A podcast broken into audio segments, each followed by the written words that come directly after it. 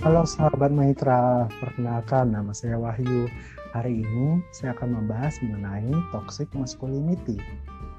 Sejak kecil, anak laki-laki dituntut untuk menjadi pribadi yang tangguh dan kuat, sehingga pekerjaan-pekerjaan rumah seperti memasak, lalu um, menyapu dan mengurus anak itu hanyalah bisa dilakukan atau hanya harus dilakukan oleh seorang perempuan. Nah, anggapan-anggapan yang seperti ini merupakan contoh dari toxic masculinity. Artinya, orang-orang yang memiliki perilaku seperti itu memiliki kecenderungan untuk melebih-lebihkan standar maskulin pada laki-laki. Nah, apa-apa saja sih contoh dari toxic masculinity ini? Yuk simak yang berikut ini. Contoh-contoh dari toxic masculinity ada beberapa. Salah satunya adalah laki-laki itu dianggap tidak boleh menangis karena menangis itu hanyalah boleh dilakukan oleh seorang perempuan.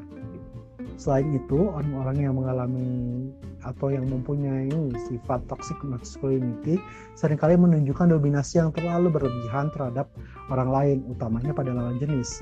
Selain itu, orang yang mengalami toxic masculinity juga suka melakukan kekerasan dan agresivitas seksual terhadap pasangannya maupun orang lain.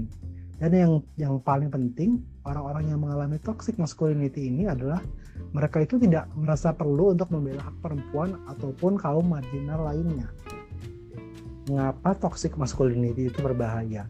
Toxic masculinity itu berbahaya karena bisa membatasi seseorang untuk berkembang di masyarakat maupun dapat menimbulkan konflik bagi dirinya maupun orang lain.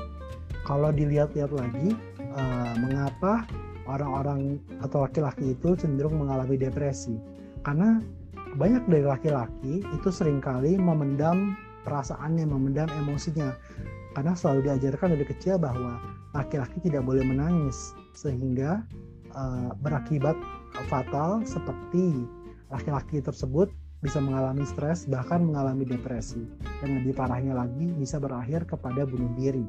Lalu bagaimana caranya mengubah toxic masculinity menjadi positif masculinity? Berikut tips-tipsnya. Tips yang pertama adalah Anda dibolehkan untuk mengekspresikan dan merasakan apa yang Anda rasakan. Misalnya ketika Anda sedih, Anda diperbolehkan untuk menangis. Yang kedua, ketika misalnya masalah semakin berat, Anda diperbolehkan untuk curhat ke teman Anda sendiri. Atau jika Anda tidak mencurhat sama teman, Anda juga bisa curhat ke konselor, ke psikolog maupun ke psikiater.